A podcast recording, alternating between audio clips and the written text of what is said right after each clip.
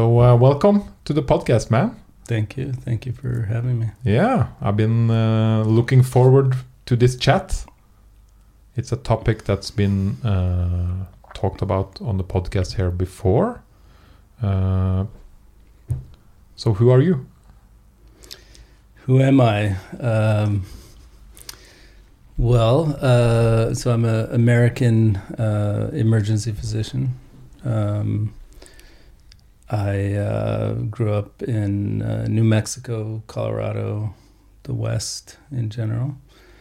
Um, I um, started uh, my interest in sort of what what I'm doing right now. Uh, actually, started uh, from university. I went to University of Texas at Austin and studied uh, physical anthropology which was, you know, the evolution of uh, human behavior, the ev- evolution of primate behavior, hmm. and the origin of evolution, uh, the origin and evolution of um, emotions was what I was specifically interested in. Wow.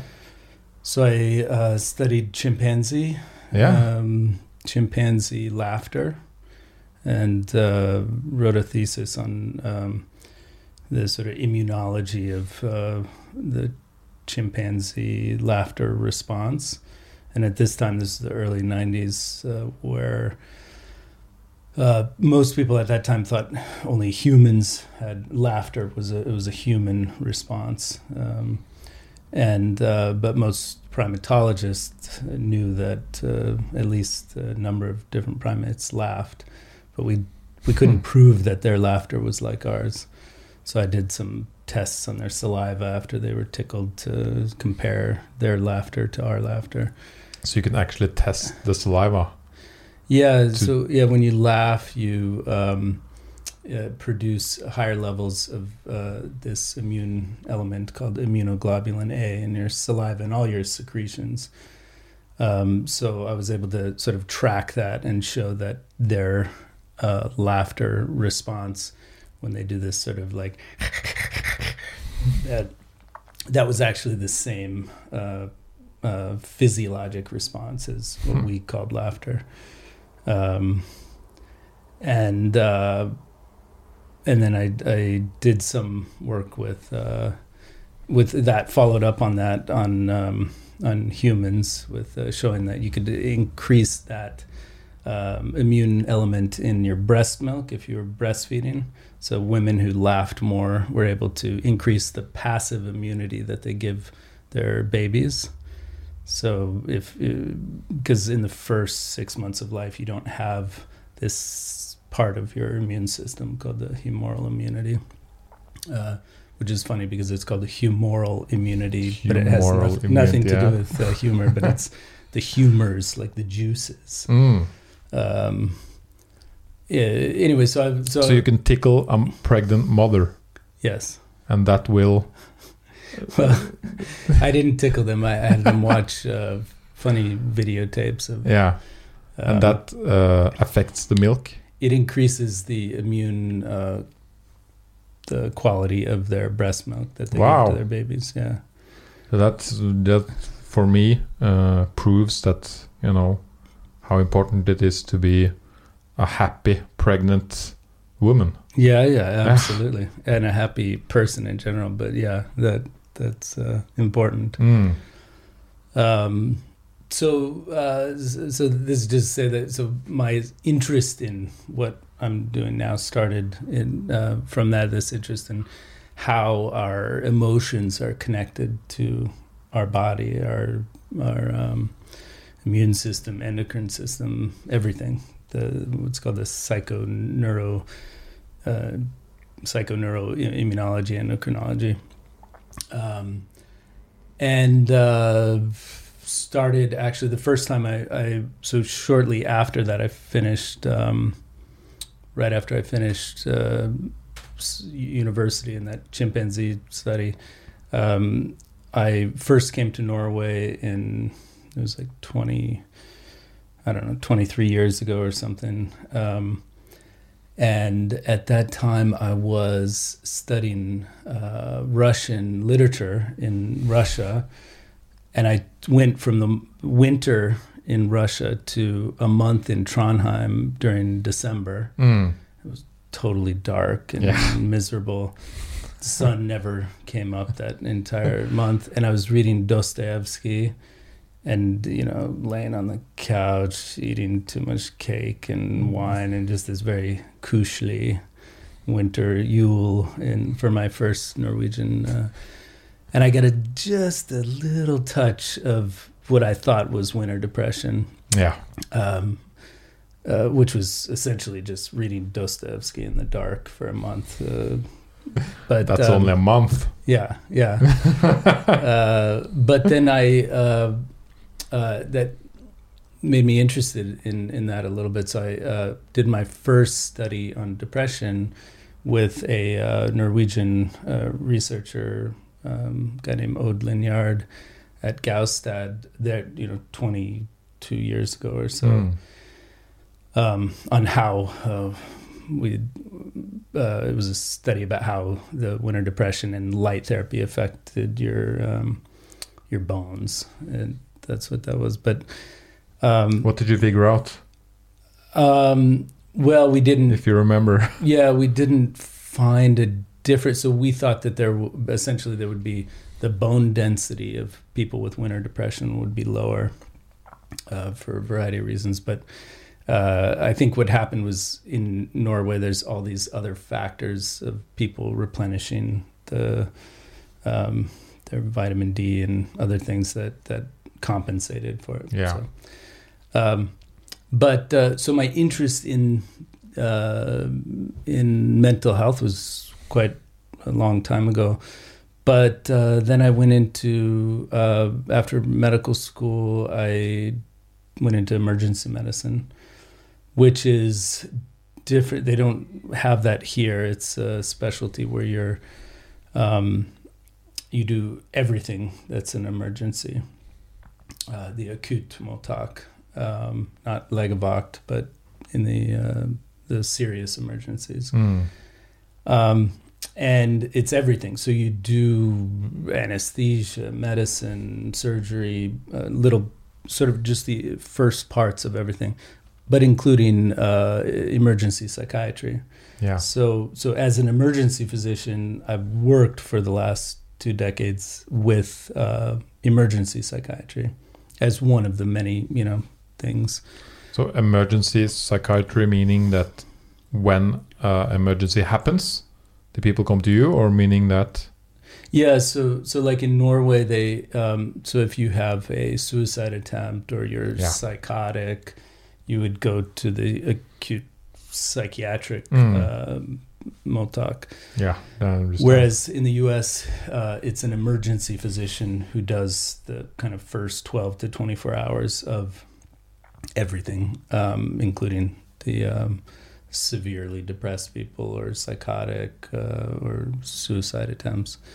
Um, so, um, and then um, this is a really long answer to your question, but uh, that's what podcasts are for. yeah. We're Um, getting we're getting to the ketamine and MDMA later. Yeah. So yeah. people can wait. Um, so, uh, so, so I practiced emergency medicine for the last twenty years, and then um, when I first I moved here ten years ago, um, and because there wasn't emergency medicine, I couldn't work uh, here. Um, I tried. I worked at Ahus uh, uh, in there with the mottak, but you can you only do a part of what you're trained to do. Mm. So it was only the medicine part. Um, and uh, but essentially for the last decade, uh, I was commuting every month, uh, working in an emergency department in the U.S. And then um, and then I had three weeks here Mm. uh, vacation, which was great. But I was looking for something else to do while I was here. So Yeah. I did a master's in public health at the university. Um, Why did you want to go back to Norway all the time?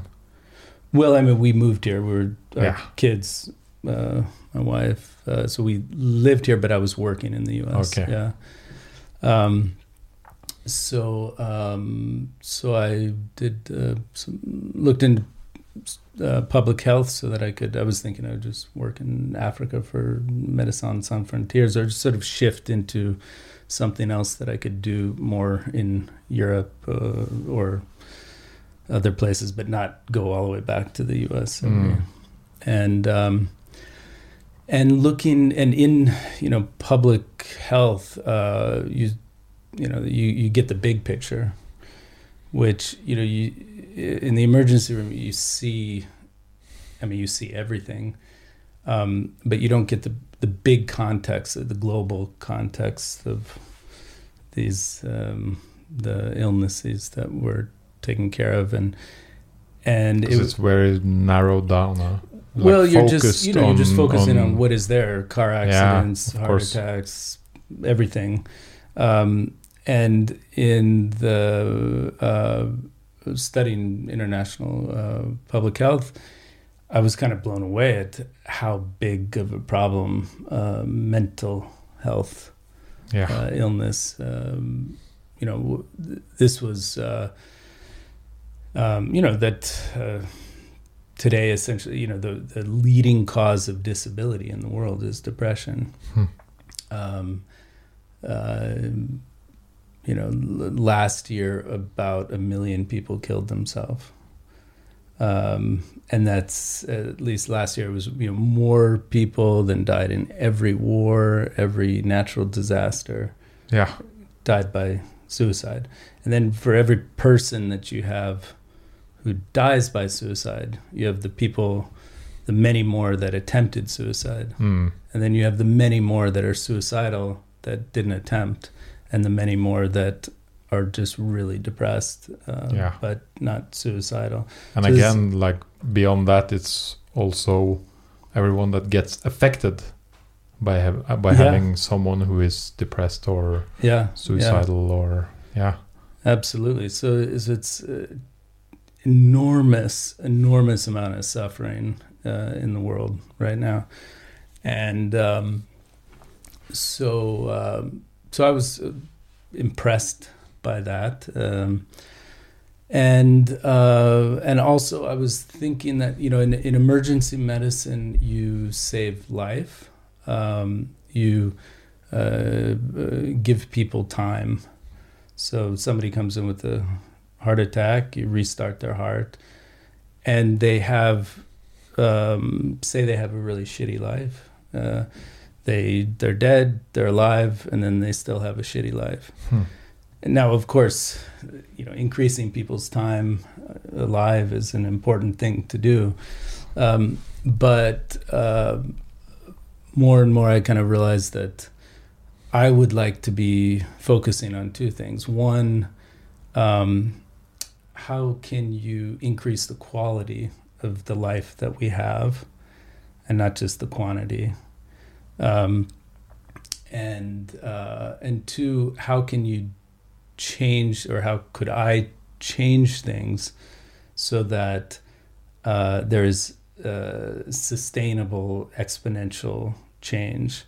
Um, Wow. in you know if you save somebody's life that's great or you know on an individual basis um, but to some extent you over time begin to realize that you're a guy in a sinking boat with a bucket Yeah. and it's important for that guy to be there with that bucket For sure. but if there's a way that you can change the direction of the river of suffering or, you know, Mm. fix the boat in some way.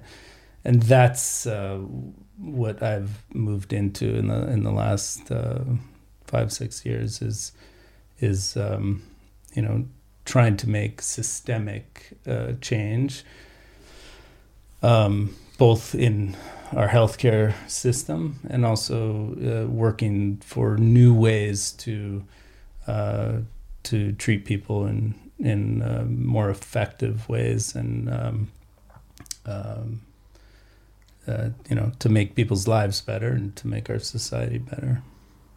That's an amazing mission, huh? It's very interesting. As you say, and that's I think uh, issue for a lot of doctors that you know uh, it's like a never-ending loop of those kinds of illnesses and damages, and they just continue, and and you know. Uh, at the parallel as you are doing now, we have to work on the cause and you know fix the bigger picture fix the longer Mm, uh, mm. in in the longer line you know. As you said you can you can come to a doctor. They are very good at fixing the problem there and then like restarting your heart or you know fixing your broken bone or or your cuts or something like that. But uh, then kind of usually their job is finished. Mm, and then mm. you go back home and your life sucks. And then it's like okay how much time will it take before you get back to this you know situation Yeah, yeah. No, I, I think that's a really important point. Um, that has to happen in parallel um, because um, the you know it's it's one thing you know to help people that are suffering, but why are we suffering? Mm. That's a you know we need to. Why are so many people uh, suffering today? Um, uh, and I Like, what do we know about that why is it in- increasing uh, do we have theories do we have Yeah, I mean, there's you know, there's a lot of it's uh, multifactorial, super complex, and you know is different in different places. Mm. But um, my perspective is that it's I you know come from this kind of um, evolutionary perspective, and uh, I think um, one of the the primary factors is um, you could call it paleo deficit disorder. Um, not my term, but uh, essentially it's a it's a discordant mismatch between the lives that we live and the lives that we've lived for millions of years. yeah And there's many aspects of that, but it's really easy to see that this here is not what this organism evolved to do. This is what we do now, Mm. um, but this is not uh, the organis- the the environment that uh, our organism has evolved to be in homeostasis with over millions and millions of years. And things don't just you know you, we adapt, um, but there's many systems, including our brain, uh, that are adapted to something entirely different. Um, you know, the the world that we live in today, um, we've just lived in for you know hundreds of years, basically. Tiny tiny bit. And uh, you know uh, right now the majority of people in the world live in cities. Um, in the western world 90% of your life is spent in a box you know uh, like in a in room and in- in, inside. inside yeah what one say it one more time 90% of our lives are spent inside some room building Ah. under fake lights um, without nature Mm. you know we can have some plants yeah but i have a lot of but, plants. uh, to um, work with it but uh, you know and not to mention the amount of time that we spend in a virtual environment with in front of our phones and uh, computers and screens. Um, and so there's um, it's it's it's it's out of balance and uh, you know I think uh, that's that's the primary so that as a as an umbrella I think that's the primary thing and within that is our lack of contact with nature um, our um, lack of contact with people Mm. you know we, we think we're social but living in cities is actually tremendously isolating compared to our evolutionary past. If you you know like villages and smaller well communities even and- villages are relatively Yeah. uh, new as well evolutionary um, you know um, tribes the- most of our our existence has been spent uh, you know just small bands of people, you know, less than 50 people, Mm. uh, you know, everybody completely interdependent and knowing each other and depending on each other and caring for each other and spending time with each other, sitting Mm. around the fire, looking at the stars, going hunting together, gathering together.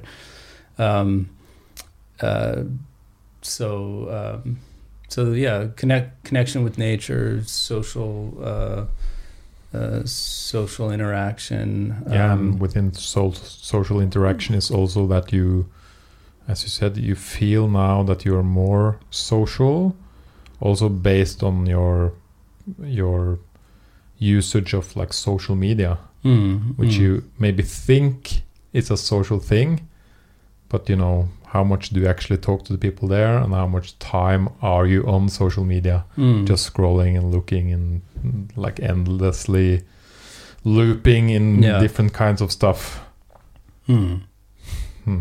Yeah, yeah, yeah. We uh, you're gonna talk to my wife another time, but uh, we did the last film that I worked on with her was um, it was called Play Again, um, which made I guess about 10, 11 years ago. Um, which is uh, focusing on this, you know, what are the consequences? Not a lot of films have focused on what are the consequences of that screen time, but what are the consequences of what you're not doing when you having that screen time? That was uh, that. So um, we took these kids, you know, normal average kids who grew up in the city who had never been camping. Some of them had never seen the Milky Way. Um, you know, just normal city kids, yeah and um, you know, brought them out into nature and and that's becoming the new normal yeah, yeah, yeah, absolutely. So, um, so yeah, I mean, there's there's a lot of a lot of different factors, and um, but um, but that's certainly a big one. yeah. So we have okay that's all of these stuff are what's happening with people in this you know world? Why is this um, turning you into depression anxiety ptsd Um, for people like mm, is it because we are as you said less in nature less with people uh, do, do we know anything about uh, what happens in our brain yeah, so um, yeah, that's a good question. Um, so there used to, um, you know, we used to have this uh, concept that um, that there's all these different, very specific disorders um, that are separate: depression, anxiety. Um, you know, so each diagnosis, and there's this thing called the DSM, the diag Diagnostic and Statistical Manual in the U.S., which is sort of the standard of, you know, this all. If you meet all these 15 criteria, then okay, you have major depressive episode or um, or uh, generalized anxiety disorder or something. Um, but the thing is, it was it was um, it, it was developed on just symptoms. So it, it's kind of like uh, if we um, learned about our disease processes uh, by saying, okay, so there's this thing where you, you have a fever and you get a rash and you have um, your heart rate is fast. Okay, then then you have this. We'll call it this disease. Um, but there was very very little connection to what's actually causing that. Well, it's a bacteria that you have an infection, you know. So so whereas in a lot of other types of medicine, we have it. We've gone down to the basics of, of what is the etiology of the symptoms and and then describing the um, uh, uh, the disorder based on that physiology.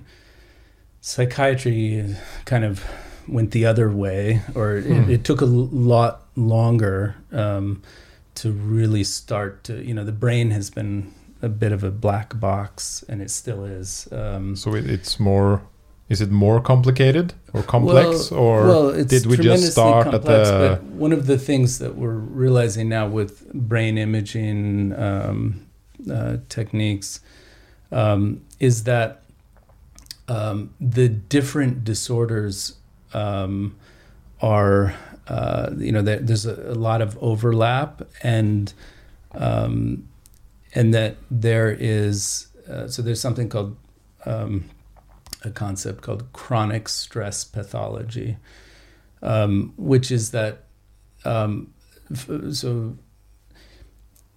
we all have genetic predisposition for uh, depression, say, for example.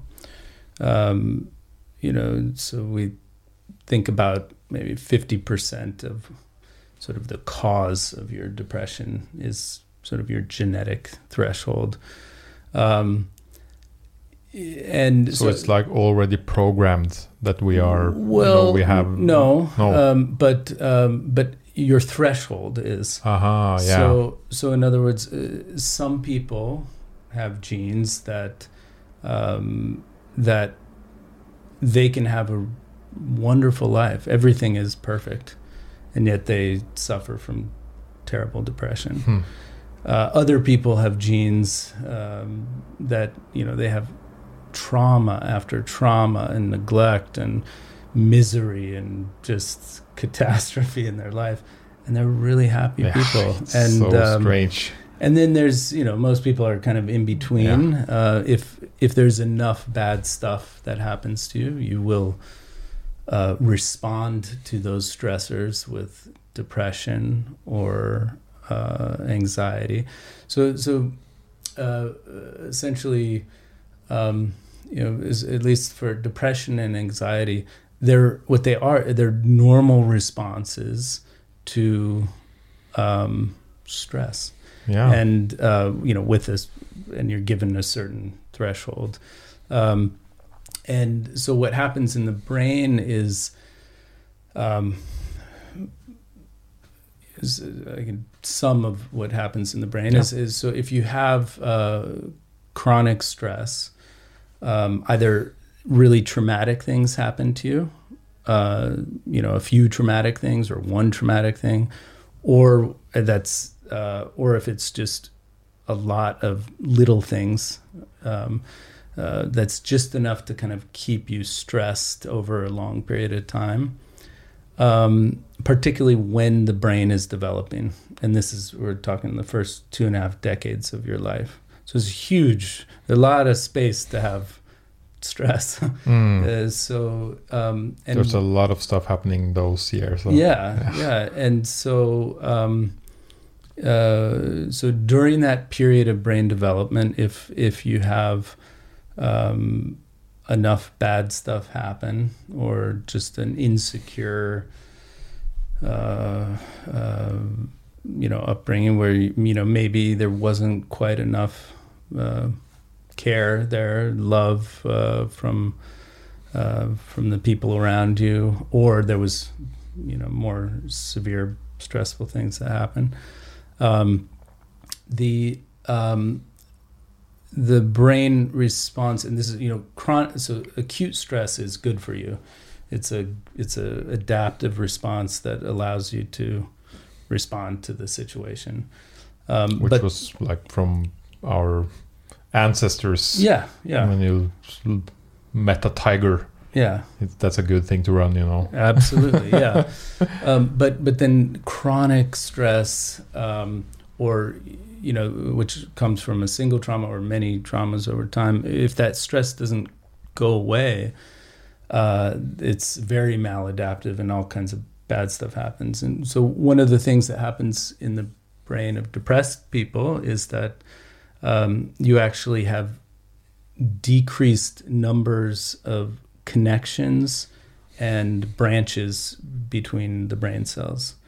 So you can actually do neuroimaging of a depressed patient, and there's actually um, less. Um, you know, so every thought, feeling you have is uh, sort of a. If you had a microscope, it's a pattern of millions and millions of brain cells talking to each other with these branches, and then synapses, the the connections that they transport, you know, neurotransmitters and um, and so there's it's almost like the brains of uh, depressed patients actually have it's like a tree that's been pared off. So there's many less branches and uh, connections.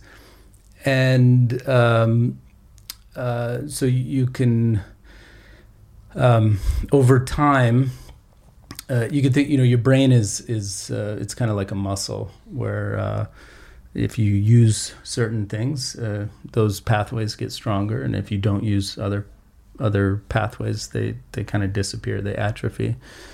Um, and so uh, the the thoughts, the negative thoughts, negative feelings um, that are represented by these millions of branching patterns, they're kind of like um, tracks in the snow where you went down this track again and again and again mm-hmm. and it's very deep and they ultimately it becomes very hard to get out of them you can't go to the right or left your skis are stuck in the spore yeah. you know and um, so uh, so that's one thing that happens in the brain. And there's also um, that's uh, you know um, just pause that a little yeah. that's very interesting because you know what you said that you know it could be it could be on the one side you had some major major traumas as a as a younger person or you had small stress over a longer time which is what many people have now hmm. these days people even say it every day like yeah. i'm stressed i'm stressed you know it's a word that you it's it's something that's been normal to say, but not normal to try to fix. Mm, mm. It's just like, yeah, I'm stressed. Okay, you're stressed. Yeah, yeah, yeah, absolutely. I mean, to sort of just quickly circle back to you know why uh, why this is happening in or you know in yeah. society. Uh, you know, I'm sure you've uh, heard about um, uh, you know, Johann Hari talks about it, the um, the rat park experiment. Yeah, I heard yeah. about it, but please yeah. tell it to the. Um, well, it's just uh, so it was a an experiment they did in Canada with um, uh, with rats, um, showing that uh, it was. I mean, it was, this was looking at addiction and why people um, or why rats uh, get addicted, and and the, basically what they found, and this this study has been somewhat criticized later, but in in the um, in this study, uh, they found that you know rats that were isolated in cages, um, you know, became addicted to heroin, and uh, I believe it was heroin they were using in the study. Um, yeah, because they have the option to take yeah heroin yeah. or water and um, and uh, whereas you know if you design the environment uh, like a rat paradise with lots of cheese and fun interesting environment and you can have contact with you know your rat friends rat uh, bros that there was uh, much less addiction mm. um, and but i but um, in the context of um, you know stress all our like everything we know about stress comes from experiment, experiments like this. So, you know, we did horrible experiments in psychology in, in the 60s and before that. Uh, you know, uh, basically putting animals, uh, isolating them in a cage with unnatural light without contact. And if you think about it, what is modern society? Hmm. It's we're in boxes in unnatural environment, isolated. So in a, in a sense, it's kind of like a little bit of the you know rat park uh, thing. Um, but uh, but yeah, there's a lot of just chronic low level stress in in our mm. world. Um, and I um, heard the the parallel story to the rat heaven story is that uh, uh, people that went to the Vietnam War, I think. Yeah, yeah there was also a lot of opium or heroin addiction there uh, because of the terrible stuff that happened and loneliness and war and you had to do something to cope with it all and what they saw when they returned especially to the US because there they started to look at it was that those who came back to a life a good life with family or friends uh, most of them stopped Yeah. Yeah. with the opium addiction yeah. but those who came uh, back home who were alone Hmm. they continued Yeah, yeah, absolutely. Yeah, and that's uh, you know the the point uh, that Johann Hari makes, uh, which is uh, that the opposite of addiction is connection.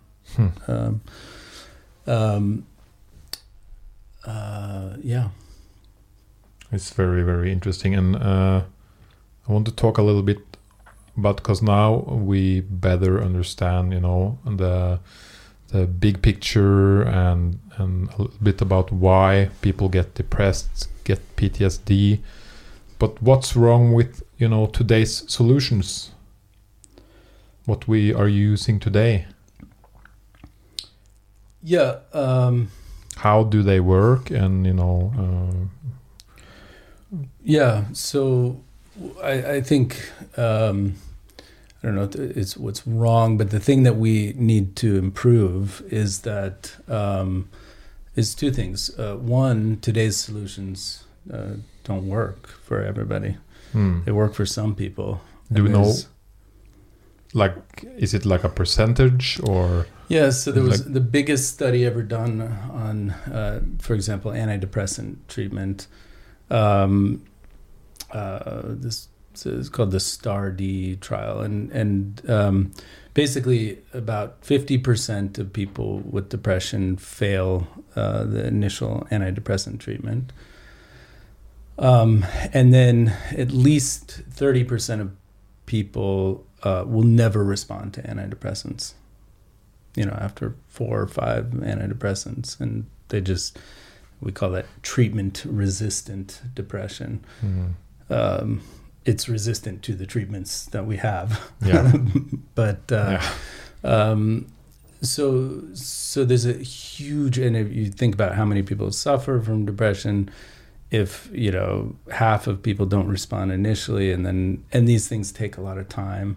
So so one is that um, they're not very effective. They're they're effective for some people. For some people, it's absolutely um, very effective. Uh, psychotherapy can be effective for mild, moderate depression, um, and um, and uh, and antidepressants. You know, have a modest effect uh, for in in general, and for some people, they really help. Um, but there's a huge uh, group of people that don't respond to either of those treatments, and psychotherapy isn't uh, effective for deep depression, so really severe depression. Um, and um, uh, so so that's that's the first problem. The second problem is that um,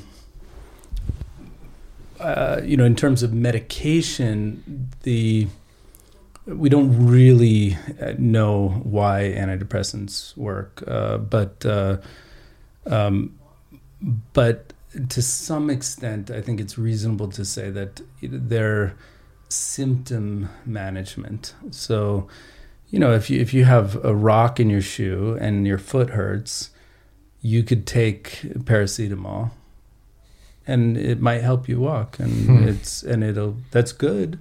If if you can walk and you have less pain, that's good. But it's not a good if you can, if you could, if there was a way to take the rock out of the shoe, that would be a much better approach. yeah. And So that's that yeah?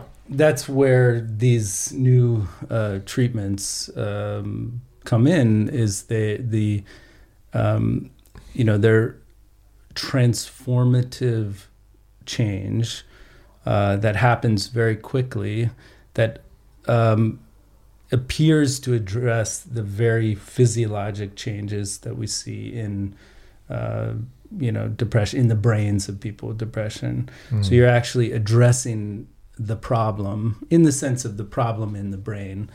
Um, you know, whatever, not the cause, whatever the cause was, but you're addressing the, the physiologic changes in the brain.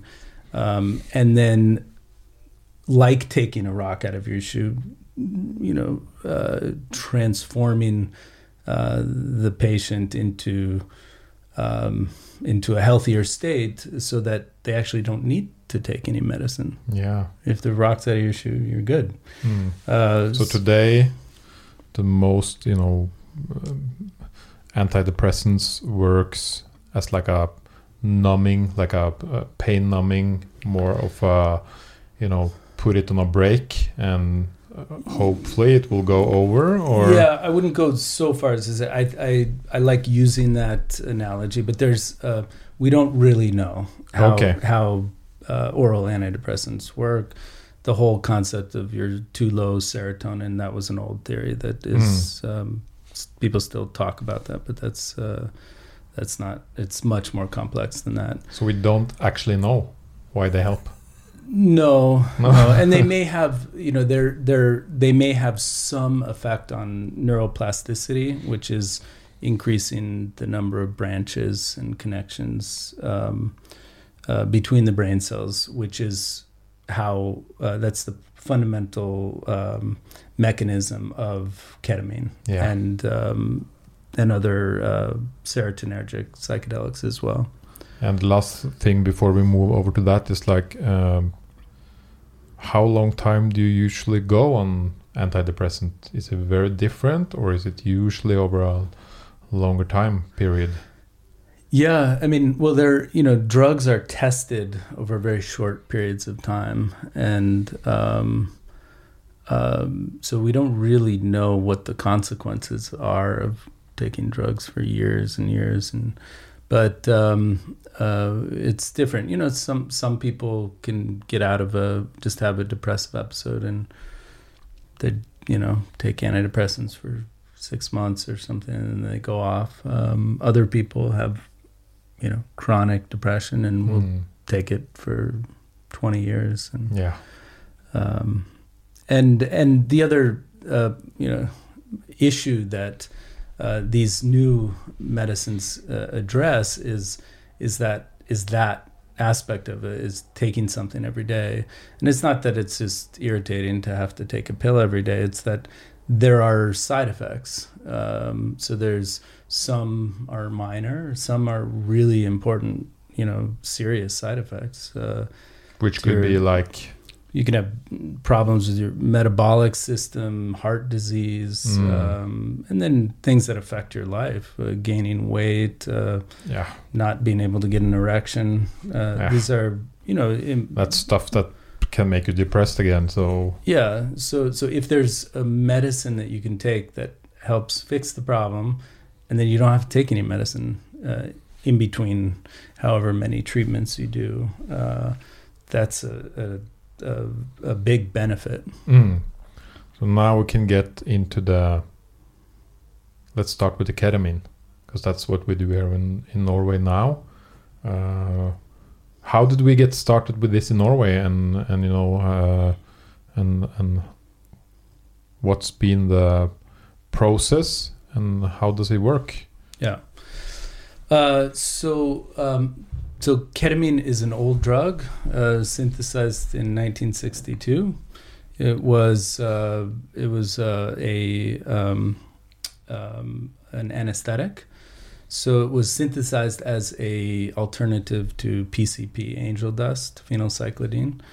Um, that was a good uh, anesthetic, uh, but it had side effects and uh, was long lasting. And uh, so they synthesized ketamine, which is one of the best anesthetics uh, in the world. Um, it has um, this quality that you can uh, put somebody to sleep.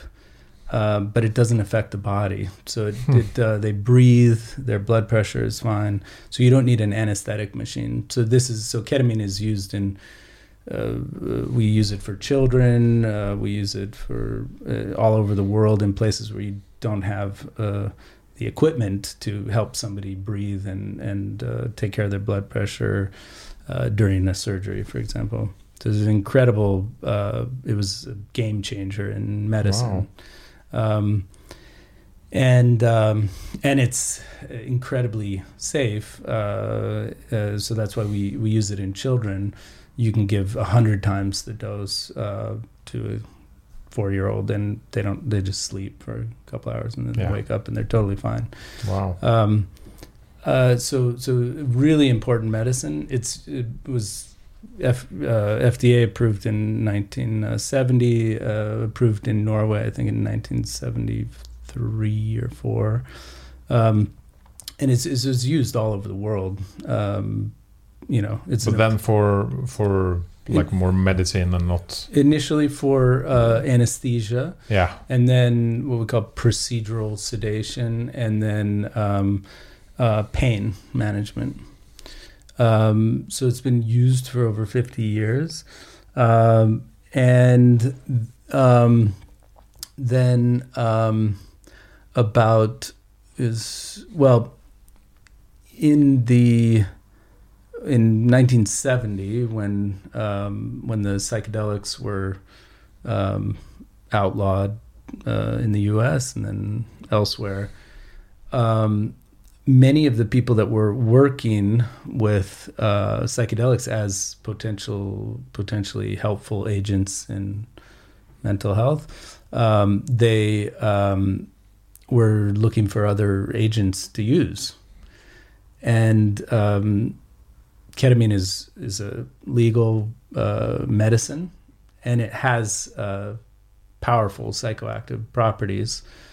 Um, it's not a psychedelic in the in the sense of it's not a serotonergic classic psychedelic. Uh, it works in a totally different way, but um, but it has powerful psychoactive properties.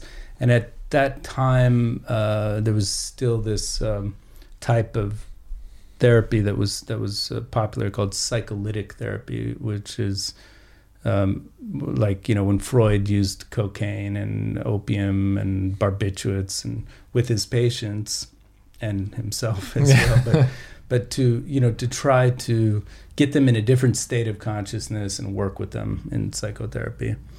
Uh, so there were many uh, therapists uh, in um, Central and South America and uh, um, and then in um, Iran and, and Russia that started working with ketamine uh, in their in their uh, psychotherapy, and um, but it wasn't really picked up by medicine. Its usefulness for um, depression wasn't picked up uh, until um, 2000. The first study uh, was done um, on depressed uh, patients uh, with ketamine, um, showing that had a profound effect that started within hours. And um, and then over the last 20 years, there's been a lot of research um, which went slowly because there was no pharmaceutical support for the research because it's a generic medicine that you can't make any money on. So there was, so there were, uh, it was yeah so you can't take a patent on it exactly. yeah good So it took a long time. Uh, you have something that is more effective than anything we had at the time. Twenty years ago, we knew this, or we had it. Uh, you know, the first study. Um, so over the ten years after that, there were a lot more studies, and then finally, about a decade ago, we started using this mainstream in the U.S.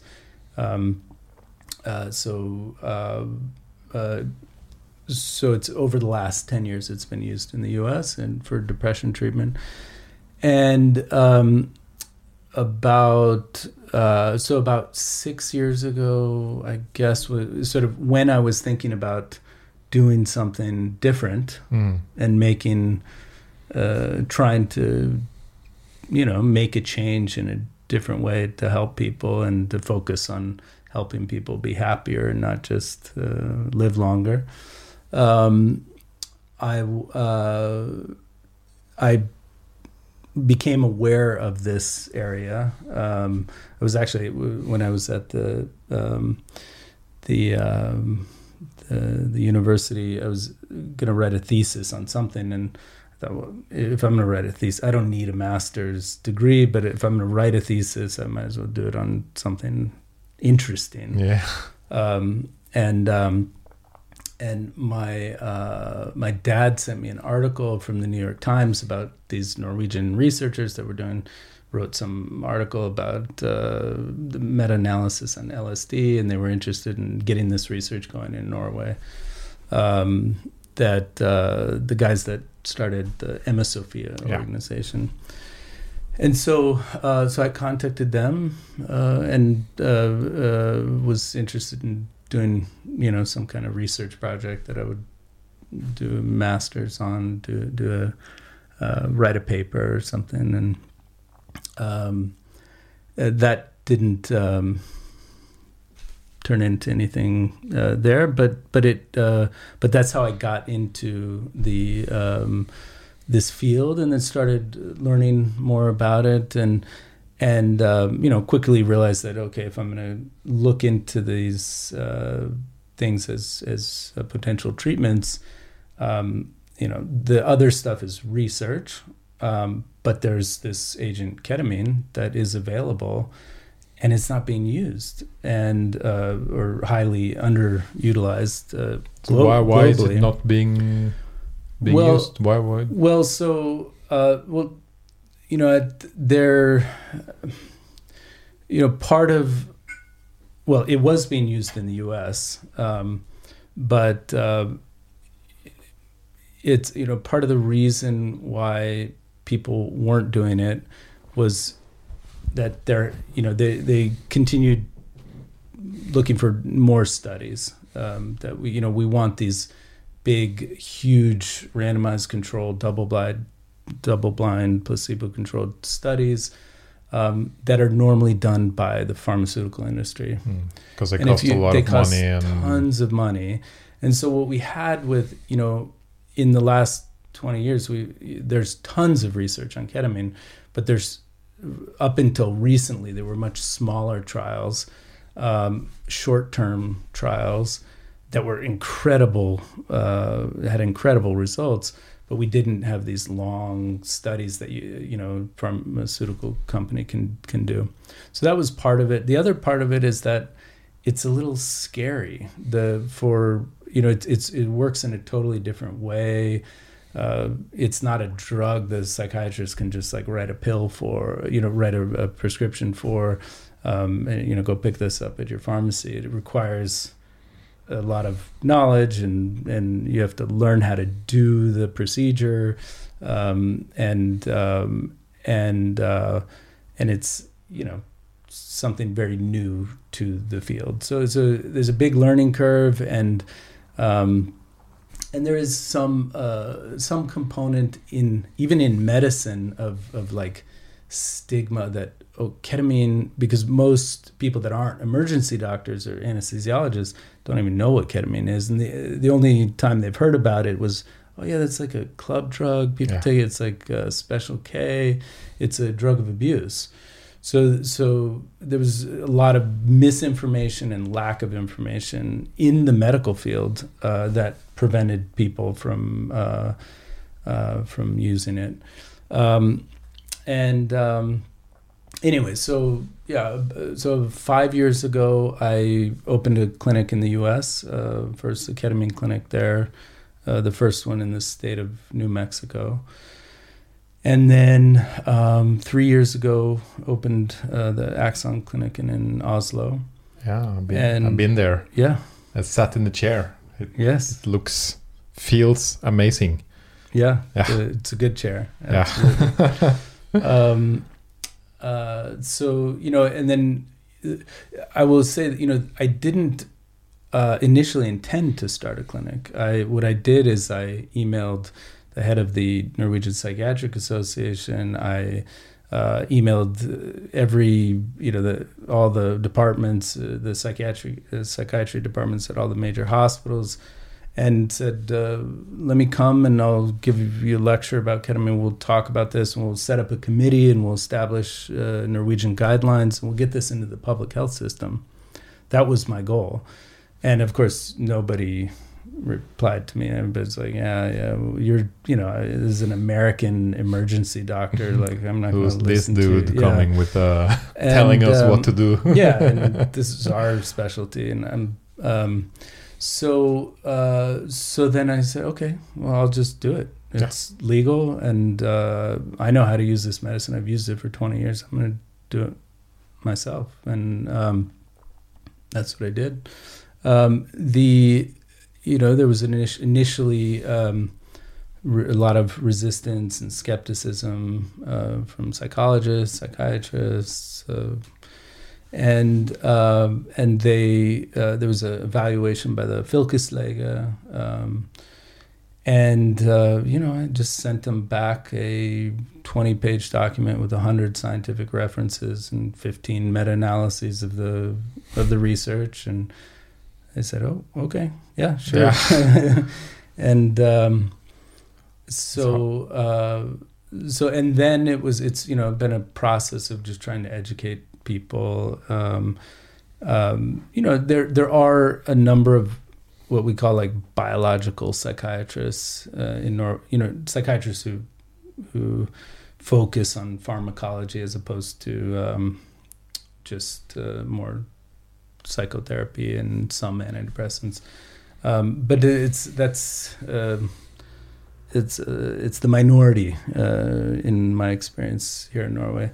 Um, but you know, they had they knew some of the they had seen some of the literature on this, and and slowly over time, um, uh, more and more people you know read the data, uh, saw the studies, um, and then uh, you know, in, in addition to saw the results of of people's lives who were totally changed. Uh, you know, um, when if a psychiatrist has somebody who they've been treating for like 20 years with chronic depression in and out of the hospital, suicidal, and they've tried all the medications and maybe even electroconvulsive therapy, and and then you go to the ketamine clinic and 70% of them are better the next day. That's a powerful thing to see for that doctor, and then Yeah. uh, you know, and then that can change your mind about oh maybe this is something you know the proof is in the pudding if you i could i could tell people about data but if they see somebody who's like back to work two weeks later and they're It's a big difference um, looking at a paper and looking someone in the eyes. yeah yeah so uh so seventy percent, or can you tell me a little bit like about how the results are and yeah Yeah. first that maybe and then maybe how the or how the actually process works. Yeah, yeah. Uh, so, um, yeah, before I'll say, I just had to finish uh, Yeah. one thought, just that you were asking about how this process came to Norway. And, uh, the final thing of, you know, the, the closed loop of what I was trying to do, just in November, we opened the first um, ketamine treatment program in a public health system at uh, Sikus Østfold. Amazing. Um, and uh, and now we do it at DPS Moss as well, and um, and I'm working to start DPSs all over the country right now. So there's a lot of interest, and um, um, and uh, it will be more and more available in in the public health system, which I think is really important that it that it's there. Um, You're doing an amazing job. well, it's a important. Uh, it's important. It's an important mission. Yeah. Um, so, uh, in terms of uh, the efficacy of, of ketamine, so uh, Like, Uh, uh, yeah. Before we go into that, like, uh, what kind of patients come to you? Like, what's the criteria to be able to get ketamine? yeah. Um, so we have most evidence for what's called treatment-resistant depression. So, um, in a, in other words, most of the studies that have been done are with patients that failed at least two different antidepressants, uh, and they're still serious, uh, severely depressed.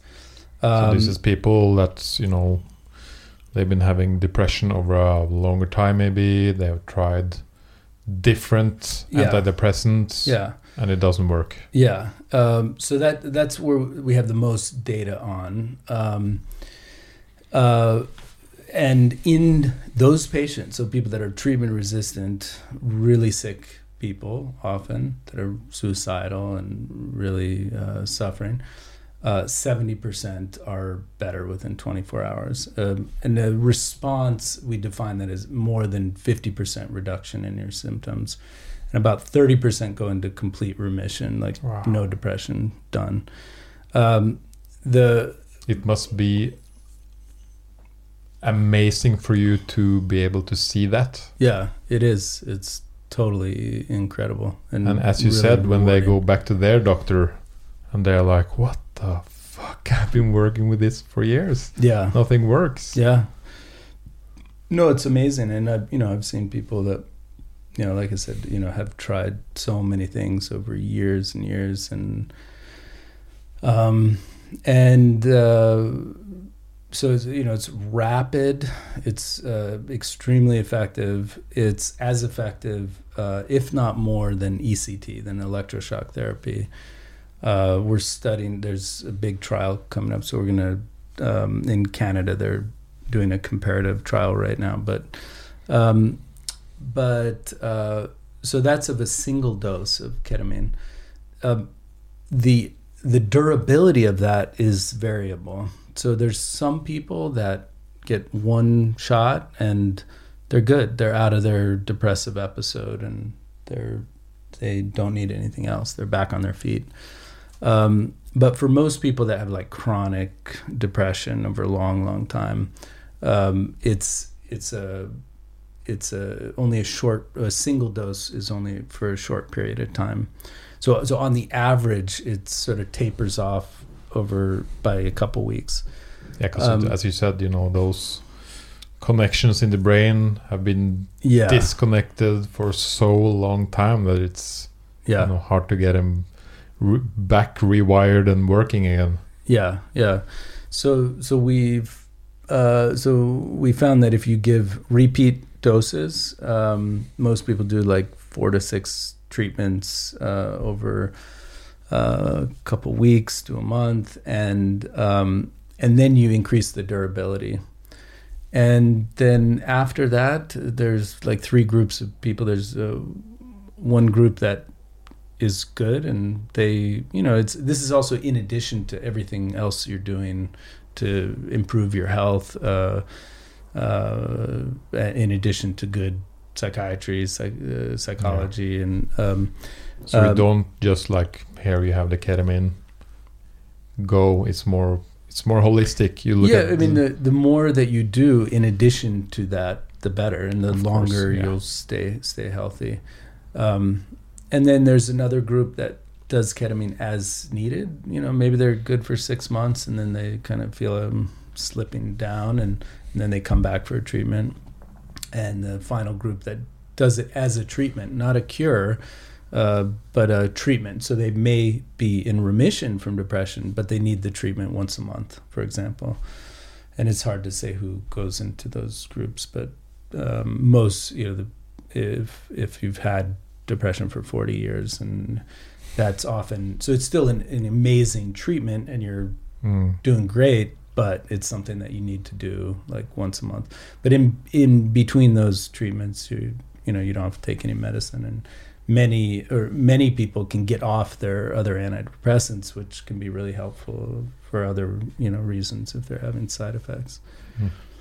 um yeah. Wow, that's some. That's uh, incredible. And and you know, I've been visiting your clinic. You know, just to see it, and it it doesn't look like a normal doctor's office. So how does uh, this process works um for the person coming in? Yeah. Um, well, uh, so the you know, I mean, in terms of the the space, um, you know, it's a very intense experience, uh, very powerful treatment, um, and so it's really important to you know what we know about all psychoactive agents that put you into another state of awareness it's important to pay attention to the environment and the people around and so um, you know that people feel safe and comfortable, and um, uh, so that's part of it. You know, the the the setting of the environment, um, and um, uh, so there's a um, you know the process is first um, you know screening the person um,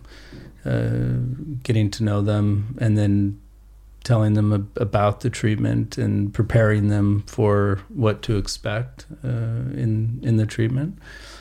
Um, and then the treatment itself it's um, there's a lot of different ways that you can give ketamine. You give it in any orifice you have Yeah. or intramuscular or subcutaneous. You can breathe it in, you can spray it. Um, but uh, the best way is intravenous. So, so if you put it in the blood, we know 100% of it goes in, and I know the exact dose. Yeah. So, so it's very controllable. Uh, so you can control the experience, uh, and you can make it, you know, s- start nice and slow, and then go a little deeper, and then come out really nice and slow. Um, so the best way to do it, even though you know most people don't like needles, it's uh, it's to do it uh, intravenously. As soon as uh, you put in the IV, uh, you forget about it and it's gone.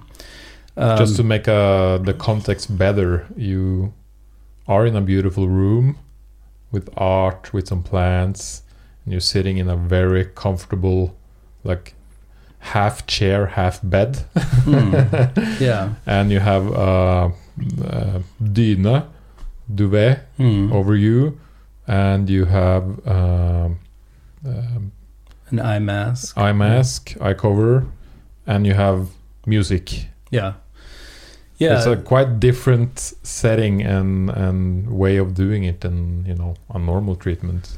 Yeah, and those are all things to just paying attention to, um, uh, trying to um, get uh, to a relaxed state. So you feel relaxed, you feel safe, you feel comfortable. Um, the eye shades are important because it, with ketamine, I'll explain sort of the, how it the, the the the experience, but it's a disassociative, so you disconnect from your body, and it, during that time you don't really know if your eyes are open or closed. So your eyes, uh, so by wearing an eye mask, you can just have an internal experience. So if you feel like you're floating uh, in the clouds over an island, but then you open your eyes and then there's a, an office and there's somebody standing by you, you're like, whoa! It's a, it can be confusing. So that allows you just to have an internal experience the whole time. Um, and uh, and then the music provides some support, some structure to, um, so it's not just complete silence uh, during the the hour. Uh, the whole process takes about an hour. Um, I can. Um, should I go into how Yes, it works please. or how the experience is?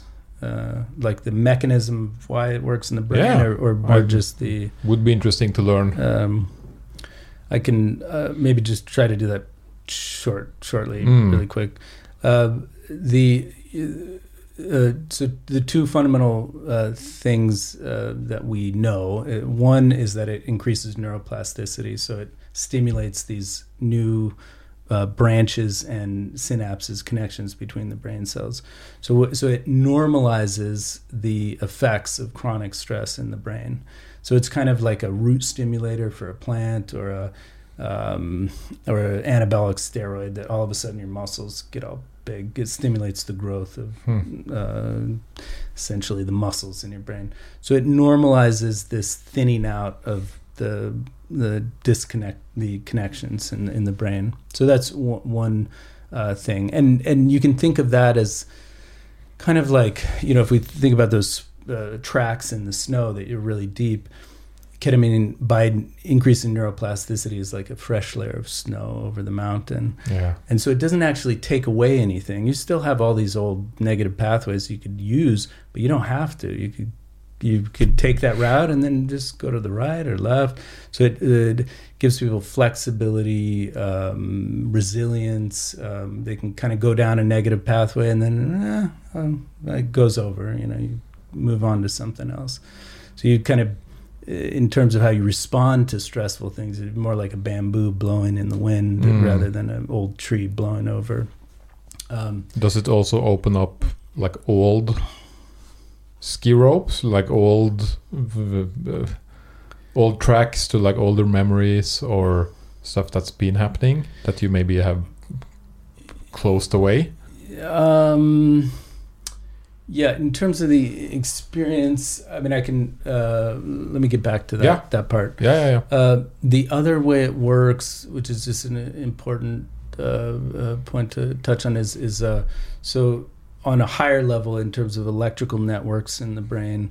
Um, there's two important um, networks that that uh, ketamine affects. One is this default mode network, the the brain's resting uh, state of uh, thinking, the wandering mind, thinking about the future, ruminating over the past, and and this is sort of something that's really hyperactive with people with depression and stress in general. You're, I feel anxious. I am depressed. I am sad about that. I don't know what to do about this. You, sort of anything that starts with I, this part of the rumination. Kind of goes over and Um, over and And during the ketamine experience, that is temporarily disrupted.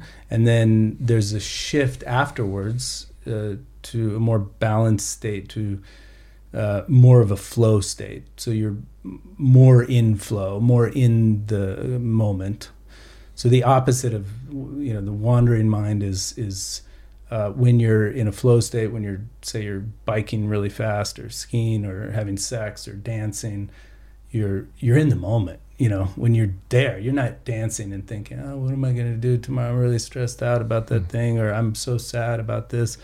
You're just there. And in the present moment, it's actually very difficult to be stressed or, or, or sad. Um, and so, so there's a little bit of a shift in that direction that, from the ketamine.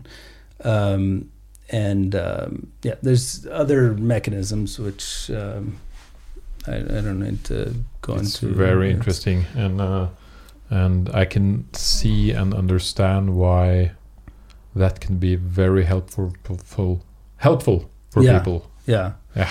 And and When the you- the experience itself, um, there's actually, um, unlike um, the, some of the other uh, medicines similar to this, um, we actually don't know that much about how much the experience is important for the effect, for just the antidepressant effect.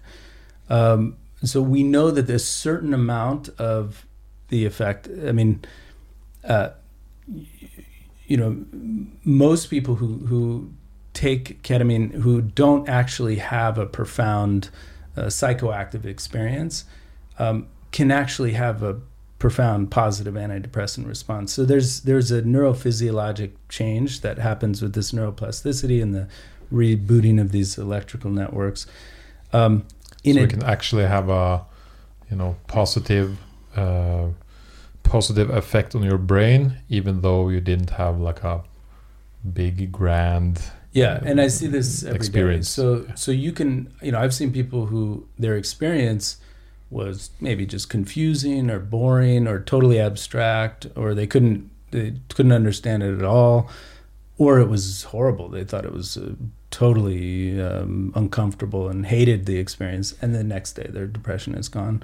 And other people who had profound uh, transformative, uh, you know, out of body experiences where they became one with God and the universe and felt a love that they've never felt before in their life. And the next day, there's no change at all.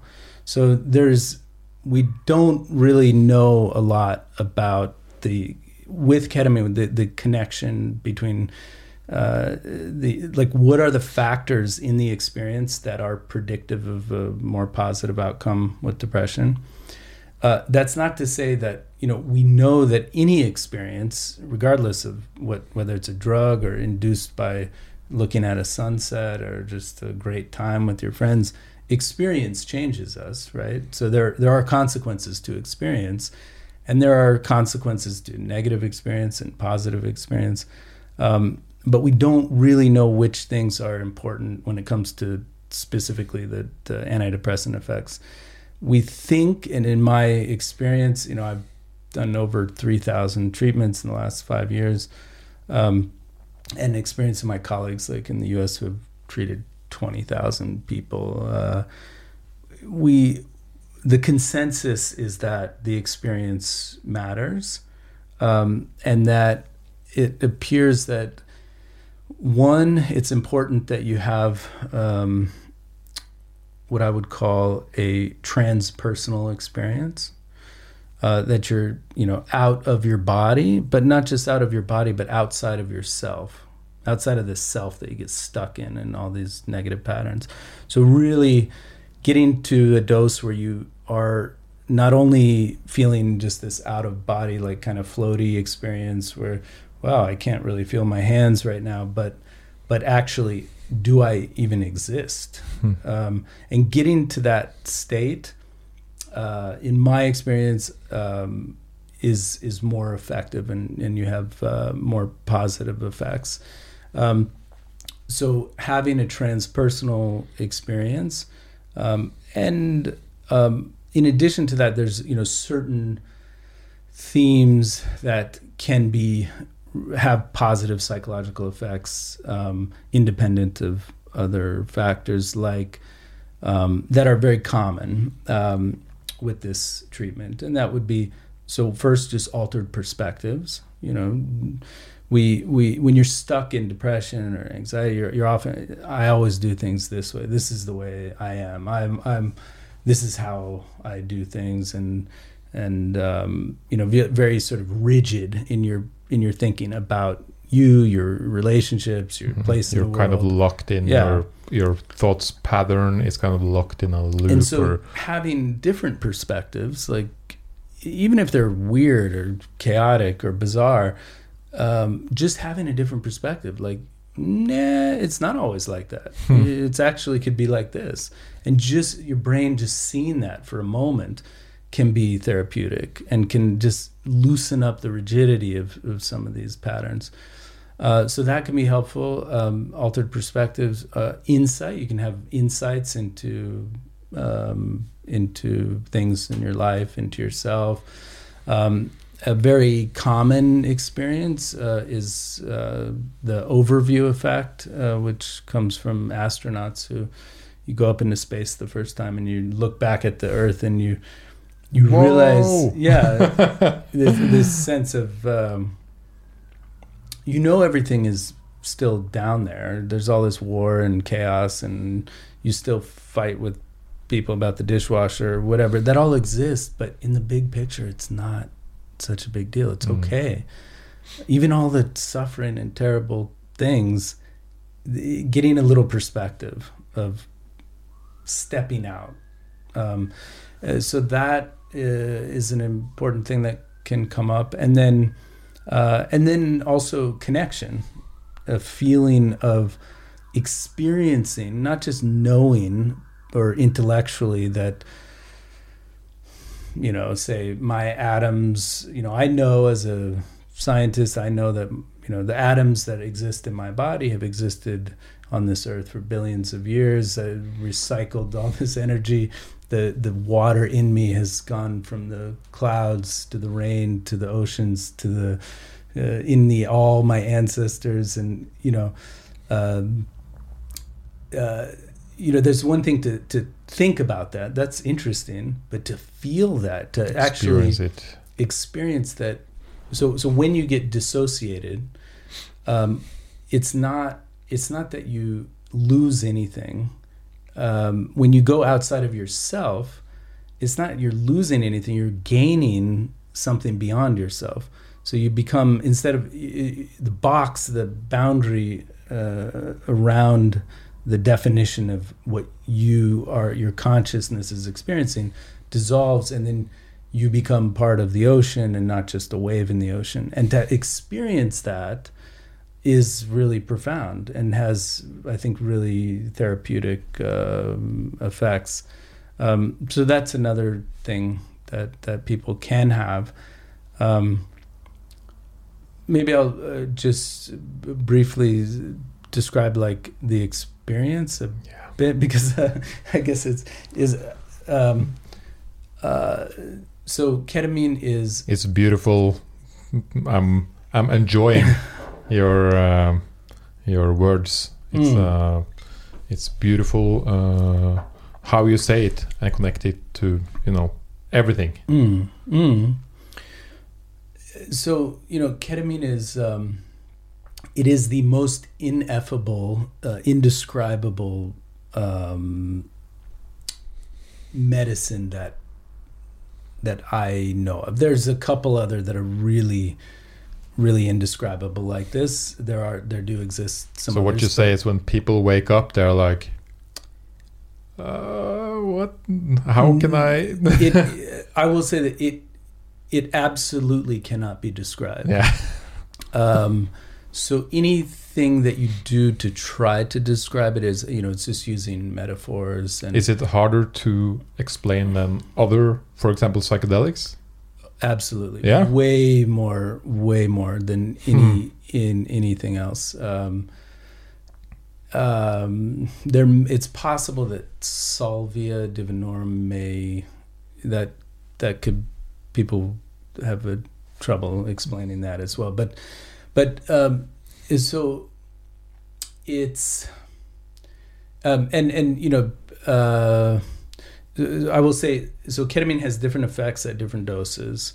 So at a at a very high dose, it's an anesthetic. You go to sleep. You're or at least we don't even know what anesthesia is, but you're at least you do not report back anything. So we you're we think you're unconscious.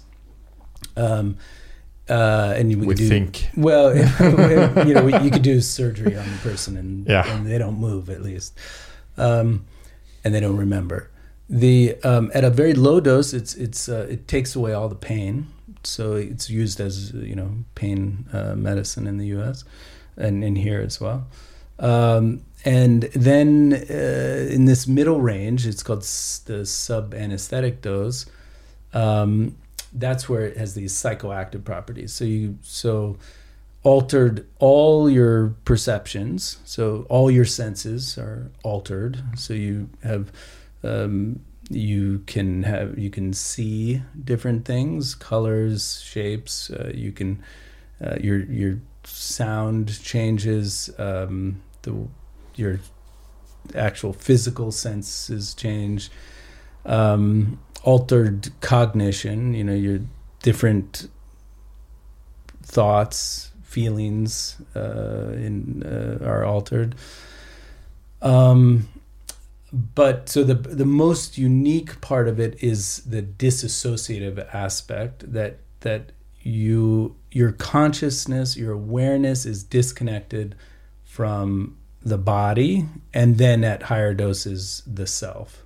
So at a at, at the the deepest level uh, before you if you don't go unconscious so that what most people experience with the treatment that we do for depression is you start off you know, you're laying there comfortably you start to feel a little lighter and kind of like you're about to fall asleep and that you know you start thinking about different things and then um, maybe you'll start seeing different shapes or colors um, and then you become less and less aware of your body uh, to the point of where there is no body Is it is it uh, usually relaxing for people, or is it stressful, or is it you It's- know? it's uh, it's usually a positive experience. Yeah. Um, but it's so it's it's it's like a dream in the sense of your conscious. It's like a, wo- a a dream that you're awake in. Um, so you're conscious the whole time, but um, but unlike a dream, it's less concrete. So it's much more abstract. Uh, so the, there's really nothing that happens. It's not like you know in a dream, or it with like the serotonergic uh, psychedelics. Um, you can kind of go down a track. It's it could be narrative. You can go explore this particular thing, um, and stay on it and think about it. Um, ketamine is more fleeting and at, at, these deeper doses where where um, it sort of drifts by like clouds. Like you could have something that you experience and then it just drifts away, and then something else. Um, people have described it as sort of like being on a train in space where you're looking out the window and then just all these you know and then there's something else and oh look at that and then so it's it's um it it changes and it's moving. It's often floating. You can feel like you're floating around space and turning and twisting and getting stretched out and, and then you become you could become really tiny like an atom or a cell or a molecule. And then at the same time you're aware of the entire universe. So it has a lot of paradoxical aspects to it. People describe feeling like a, you know there's everything and it's nothing at the same time. Um, uh, it was totally bright but it was also totally black. Uh, and and that's you know the paradoxality of it, I think, uh, makes it very difficult to describe. And then when you're at the very, you know, the deepest uh, point where it's just pure consciousness in the absence of anything, no thoughts, no feelings, no uh, you, and nothingness and everything at the same time. Um, at that level, I think the closest thing way to describe it is just like a, the deepest meditation. So people that have meditated for a really long time, um, very few people get to this point, but uh, uh, describe similar um, states of, of uh, consciousness where it's everything, nothing, kind of transcend into existence uh, in the absence of anything, and all encompassing, just being conscious. Mm-hmm. Um, so it's it's also really incredibly hard to describe because every experience is different, and every experience with the exact same person with the same dose with the same music is totally different. So one of ketamine, um, it it only um, works on the receptors in the brain, these NMDA receptors that are active. So, and different receptors are active at different times. So every moment, if if you did ketamine now and then in, in two hours later, you would have an entirely different experience because your, your brain is doing different things. Um, so sometimes you know people have very visual experiences. Sometimes there's nothing visual. It was just an experience. Um, sometimes it's very rich and sort of things that they could sort of try to describe. And other times it's just there's literally nothing to say. It's i it was. That's a common thing for people to say. Mm. so you, know, you say like how how it it just was yeah. Yeah, I heard uh, and you know heard and experienced similar stuff from the uh, psychedelic scene. But what's interesting that you talk about is you know uh, all kinds of people come to you and try this, and uh, like what do they say after they had like a profound experience in their life? Yeah, they wake mean, up, they're in the office, and like hello yeah yeah no it's it's true you know and, you know um, uh, my you know people that need this treatment are all kinds of people and mm. and um, uh, uh, you know most of them have uh, have never tried any type of psychoactive experience in their life and uh, you know my oldest patient so far was a 97 year old guy um, 97. Yeah, yeah. And, um, you know, uh, many people say it's um, it is the most profound experience they've ever had in their life. Um, and um, so, yeah, it's uh, it's it's a very powerful, intense um, experience. Um, and it can, you know, it's mostly positive, uh, sometimes neutral. Sometimes it can be a little scary and and challenging, um, uh, uncomfortable, uh, confusing, um, anxiety producing. But it's not. Uh, people don't have. Uh, it's not like it's a bad trip per se because there's no trip. There's no story. Um, there could be a moment that's maybe it's something dark or it's just like a feeling of something negative mm-hmm. or you know you just or it's just confusing you're trying you're trying to hold control of oh you know am i eh, did i die you know yeah. that's that's some you know that's something that As could come up uh, yeah. that that we discuss beforehand you know if you have this experience where you are questioning whether you exist or not it's okay this mm. is hmm. what the medicine does and nobody gets harmed by this so it can't, you know, your physical body is fine. And like a dream, you're not, you know, everybody will come back. Yeah. So people don't not come back. And so, you know, that being said, it's it could still be very scary the first time you try something new and you you're feeling like it's like a wow, roller coaster the first time in am I existing? yeah, exactly. Uh, but the nice thing about it is it's generally very it just goes over into something else. It's a moment, and then it changes into something different. Yeah, like um, you said, the space train. Yeah, like yeah, we're wearing maybe compared to to for example mushrooms, you can go on one path for for, for hours. many hours. Yeah, yeah, and and if people have uh, anxiety or confusion, um, you know, the nice thing about it is you're conscious and and you can actually talk you could say something and uh, so uh, and if I see that um, that they're a little uncomfortable, maybe fidgeting or kind of breathing a little fast, uh, we give them support. You know, yeah. we, we uh, usually all that is needed is is just hearing, "You're safe. Everything is fine." You know, you're just go with the process and it just kind of goes over into something else. Sometimes they require, you know, holding their hand or putting your hand on their shoulder or just mm-hmm. a little grounding to remind them that, ah, I have a body and it's fine and somewhere out there in, in this other place. What I think is so uh, interesting about this is like the pa- patient are themselves the therapists in a way you know. Yeah. They are actually doing the the hard work the therapy mm. in their head in their mind. Yeah yeah absolutely.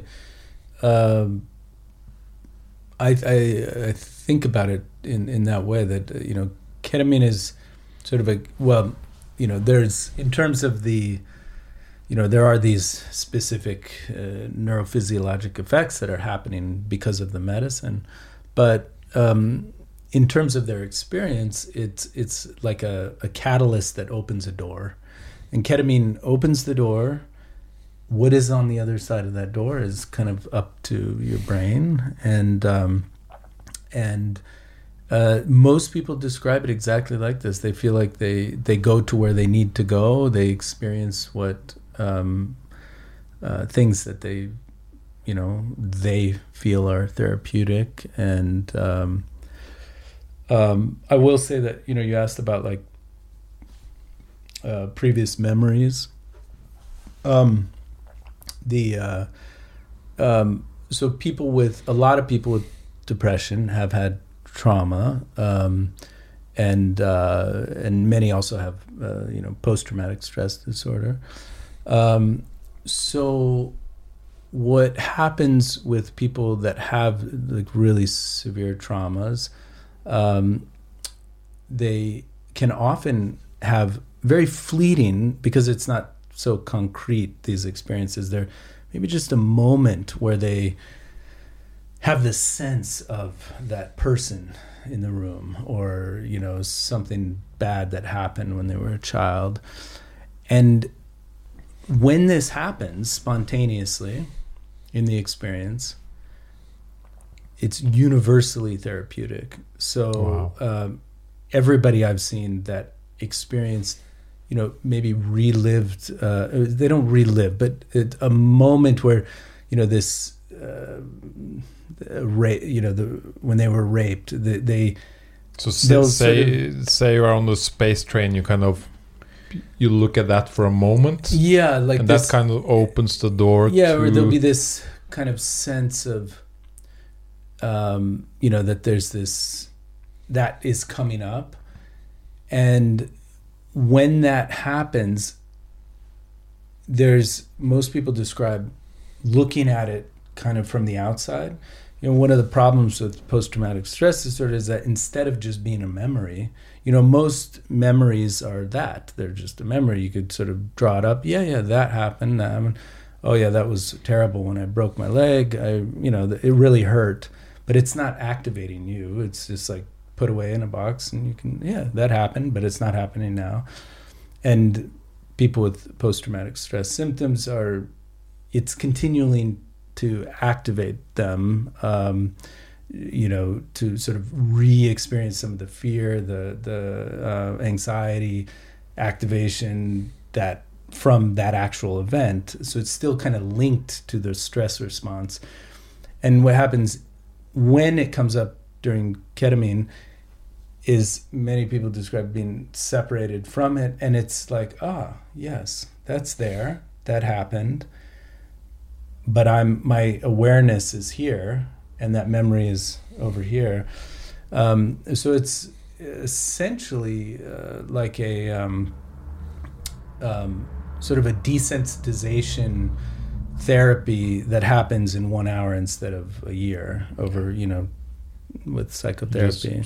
compress it into one hour. Yeah, and it's not even you know it's not an intellectual cognitive process. It's just it it just happens, and we we we know that ketamine is very effective, or um, uh, is we know that it's very effective for post traumatic stress disorder. Um, um, we don't know a lot of, about um, sort of what the best ways are to. Um, so in my practice, I let it happen spontaneously. So I don't I don't have them bring up the trauma before they do the uh, the treatment. Um, but if it happens spontaneously, which it often does, they have positive effects. Um, the there was a study. So ketamine is also used for uh, uh, the treatment of addiction, and um, uh, they did a great study in England where they showed that if you um, if you had um, heavy alcohol drinkers um, drink a little, uh, you know, take a sip of a beer right before they got the ketamine, it activates this maladaptive reward memory, and then it gets reconsolidated during the ketamine, and they have a better response than just giving them the ketamine. So, if you just give them ketamine, uh, it's actually very effective for the treatment of alcoholism, but um, if you activate the memory first and then give them the ketamine, it's uh, even better. Yeah. So there's a lot of interesting things to learn there in, in terms of uh, um, how to to best um, uh, you know get get the best therapeutic response. Um, and I would say maybe just a quick aside. Uh, there's a couple different types of traditionally uh, doing ketamine therapy. There's uh, one called just ketamine treatment, and the other one is called ketamine assisted psychotherapy, and um, um, and the that one is is like um, similar, more similar to psycholytic therapy, where you you're taking a low dose where the person can still kind of talk and interact and but they're in a slightly different state of consciousness but they can still do some they can hear the words that you're saying and you can hear the Mm. words there um, and um, so the, that's one type of treatment um, what what I do is more not psycholytic but uh, like they do with psychedelics, psychedelic therapy, where it's it's the medicine does the work. So it's a higher dose.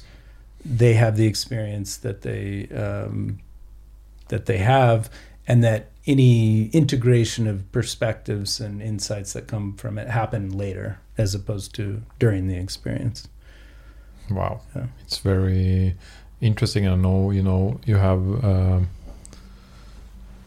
what I read and what they study a lot on now is also MDMA and psilocybin mushrooms. Can you say something about that? Why do we need those also? And uh, where, how far have we have we come with the studies on on both of them? Yeah, so um, I will say that there, there are three completely different um, drugs. So, uh, psilocin, um, MDMA, and ketamine are you know work in completely different mechanisms with uh, uh, you know different uh, neuropharmacology. Uh, they have you know that what they what they share is this. Um, uh, the the approach is similar, a very powerful um, psychoactive experience that has, you know, a- has the ability to have a transformative effect on your life in a very short period of time, Yeah. and that you don't have to take medicine every day. Uh, you know, maybe there'll be some set of number of treatments that you would do, or um, are are like one of them uh, stronger or more potent in the way that you don't have to do them that often? Do we know that? Um, yeah, that's a that's a very good question. So, so uh, I would say so. Ketamine and psilocybin are um, those have some similarities. Uh, there are similarities in, in the mechanism of, of how they work in the in the positive effects that they have on the brain. Uh, with stim- they they both stimulate neuroplasticity and they both um, seem to um, uh, temporarily temporarily disrupt the default mode network. Um, and they're both very uh, well. Ketamine we know is very effective for depression. Psilocybin appears to be very effective. We're st- we're still not quite there in terms of having all the the studies that uh, we'd like to have.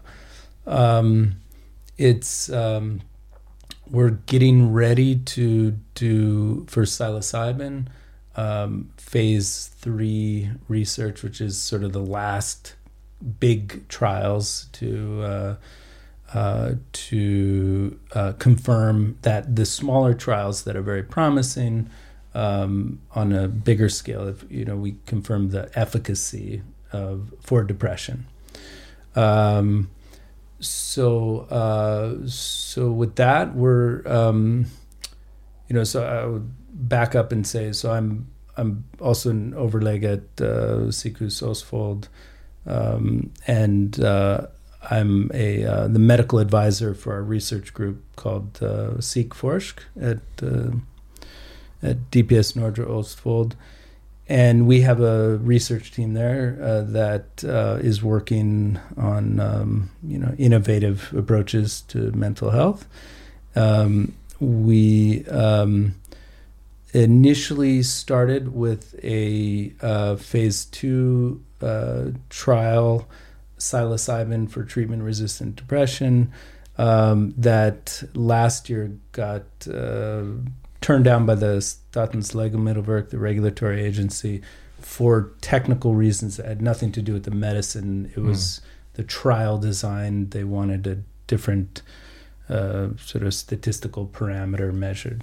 So just to Um, understand, it's like stage zero or one on animals, or yeah, well, so there's what we call uh, there's what we call preclinical work on animals, and then um, and then there's uh, clinical trials where we do we start off with healthy volunteers. So you just take healthy people and test out the medicine. So first you test it out on animals. is that uh, like stage zero or one, or is it I don't know if they call it stage zero, but one would be the healthy trials. okay? Um, and then so- you do it on a smaller group, like and then you do a smaller group of so phase two would be you know small group of uh, people with depression for Yeah. example and then um, and then phase three are these larger um, uh, trials that can, can that are statistically powerful enough to uh, to show that okay this is actually as effective as it looked like um, so uh, so there's um, an international group uh, um, But you did um, um, in Norway. Yeah. You have done stage one on No. psilocybin, or No, in, in Norway we were um, we were almost. Uh, I mean, we went quite far with the, a phase three, uh, phase two trial for uh, psilocybin for depression, um, but uh, that was um, stopped by the, or it wasn't stopped by the Legemiddelverk, but basically they wanted a change in trial design, which um, which we couldn't do because it was an international study. And if you change one thing, you can't change it for each country. It has to do the same study. Everybody has to be on the same page. So, I so mean, this that- is now like a collaborative worldwide thing that's happening. Yeah, it's a it's a multi-center uh, international um, trial. Uh, the the main investigators um, at Oxford, uh, psychiatrists at Oxford, and um, it's one of the the largest um, trials. Um, I think it will it will be the largest uh, psilocybin trial ever done. Um, and and we are planning to go into the phase three uh, part of this trial. So so we'll be getting back into that maybe next year. Yeah. Um, uh, so that's where that is at. Uh, um, it's it's uh, it's very promising for um, depression and. Um, uh, to the point where the, the FDA in the United States has given um, uh, special status to it as it, um, uh, blanking on the, the Like a word for it, but uh, yeah, I heard it before. Like yeah, like a progressive or something, or like a, yeah. It's, you it's- have the stamp to go yeah, it means faster. that, in other words, if um, if the phase three study comes out the way we suspect or hope, uh, that if they if there's promising results, then it will be a, a approved medicine in the United States. And same thing in the European Union. and So- what's the theory? What's the like uh, number of people, or uh, like how how many have to be cured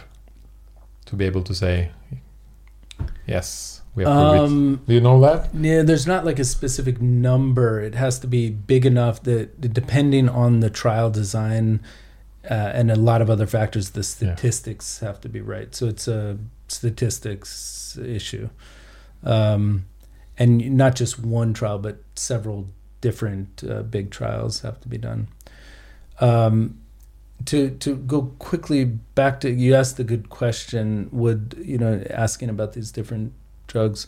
Um, so in terms of depression, um, in the small studies we have with psilocybin, it appears that it's much longer lasting than so that it's more durable than than ketamine um, uh, in terms of a single dose. So um, that um, you know a single dose of psilocybin could have uh, positive effects that last much longer than on the average what we see with uh, with ketamine.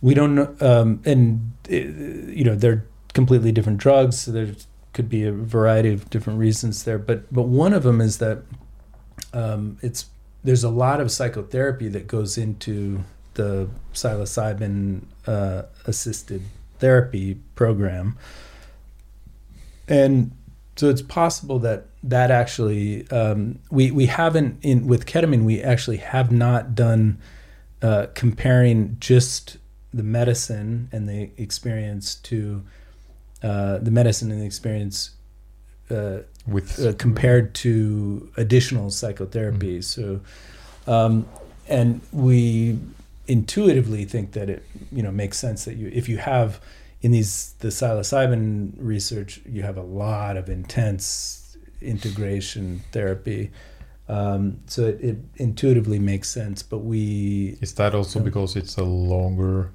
experience? So we have to kind of prepare people for the for the trip, for the ride.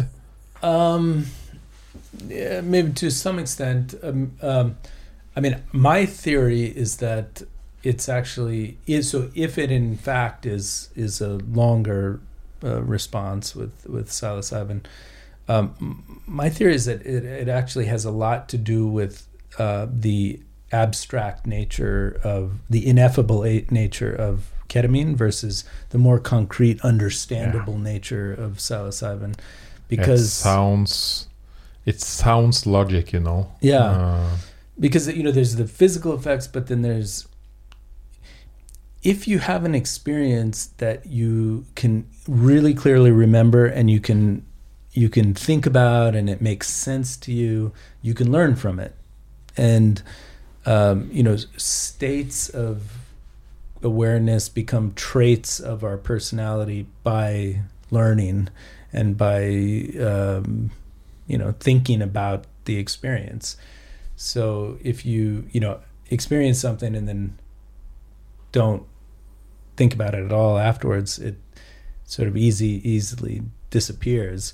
Um, and because it's such an abstract, hard to describe experience, the the ketamine, it's hard to make like what do I make of that? I Yeah. I don't know what to make of it. It was What it was happened? yeah, it was Yeah. just in another dimension, um, as opposed to where you're much more cognitively intact with the with psilocybin or with MDMA, um, where you can like really for example think. on yeah for example on ketamine you would maybe like get an image of the trauma or something that happened in your life but on psilocybin you can actually go deep into that trauma yeah, for yeah. hours Yeah, yeah, and particularly with M- MDMA. yeah So that that goes to your other uh, point about you know how uh, these things can be used differently. Um, so psilocybin and ketamine for depression. Um, we uh, at Seekforsk, um, uh, one of our team members um, is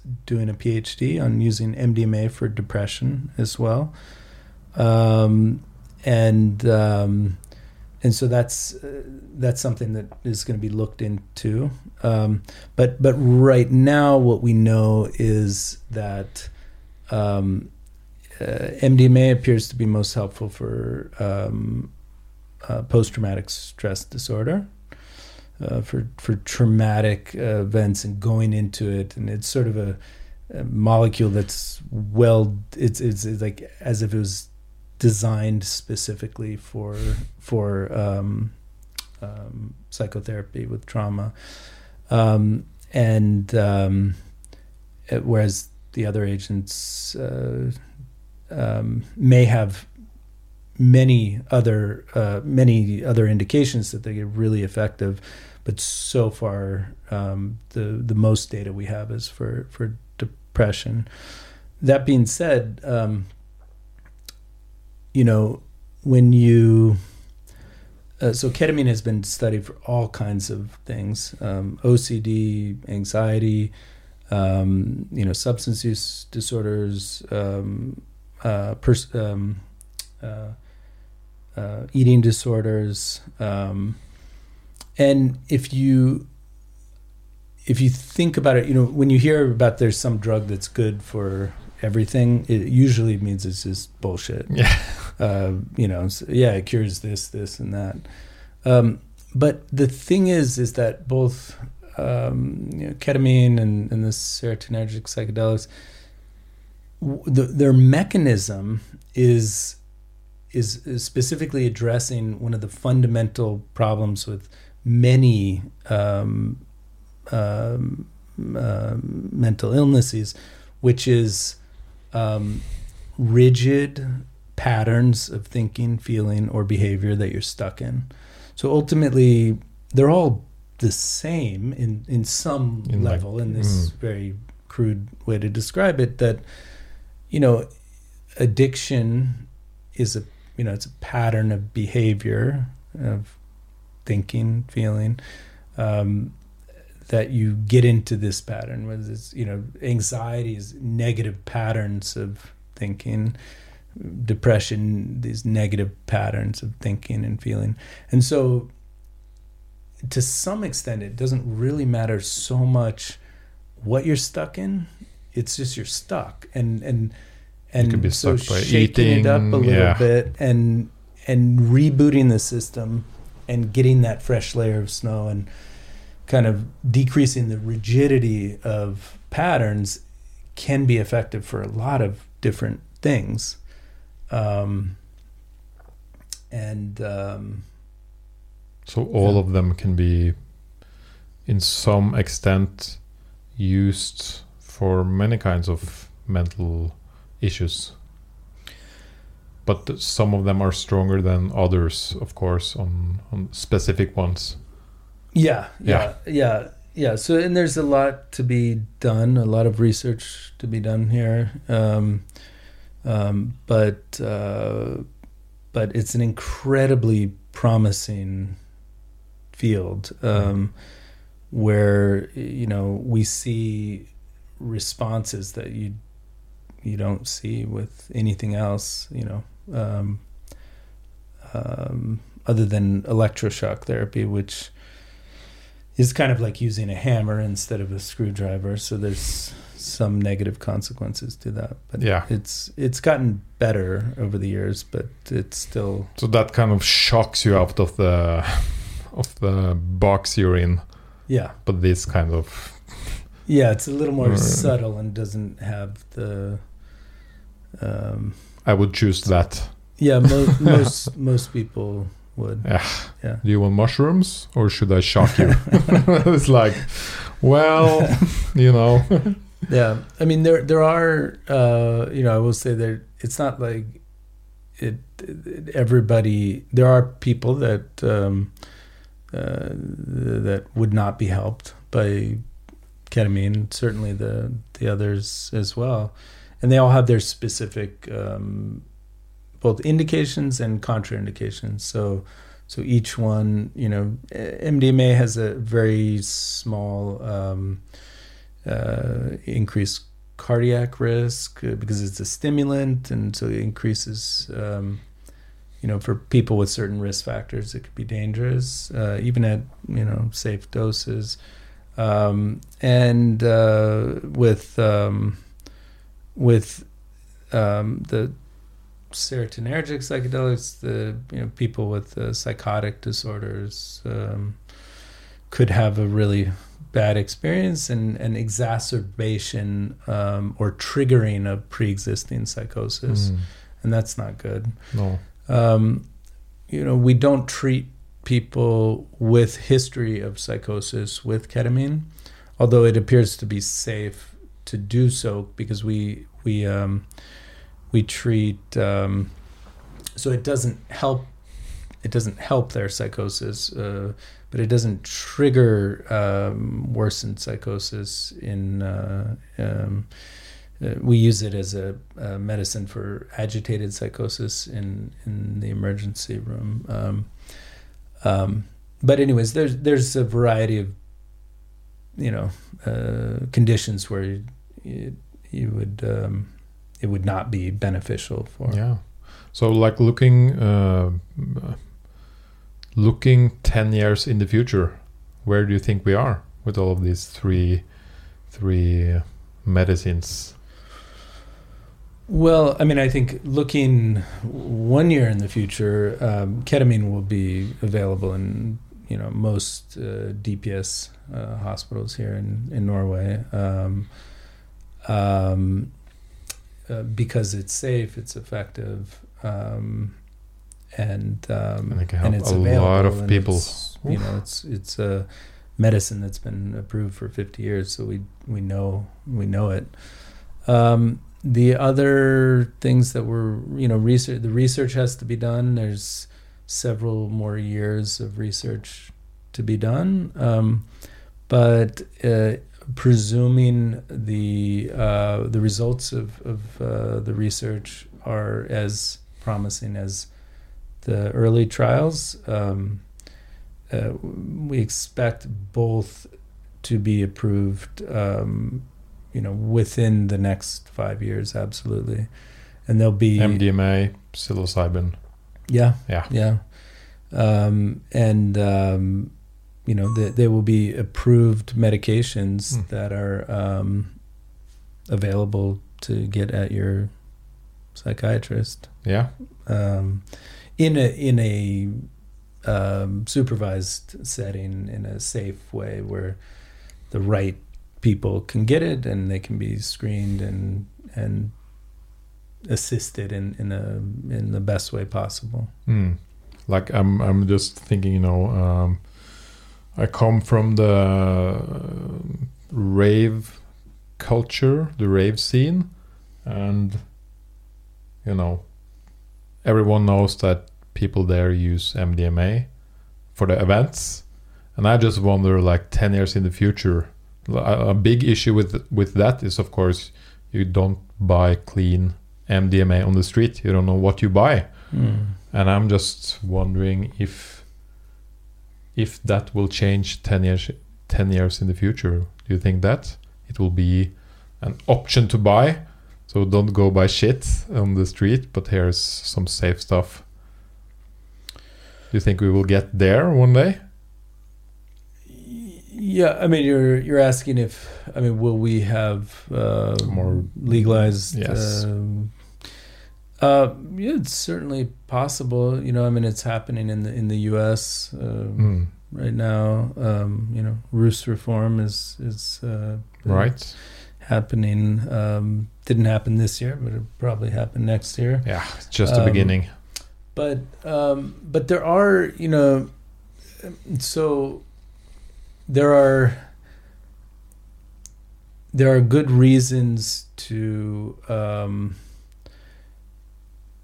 you know many people feel like oh if if these are really effective medicines uh, they should be available to everybody and we should there's why you know why should we not be able to use them um, but there there is you know the other side to that is that um, there is a, a a benefit to evidence based medicine. of um, course of course That but when that evidence comes yeah, and then you know, so when the evidence is there, the the question is, are there safer ways uh, to do it? And um, you know,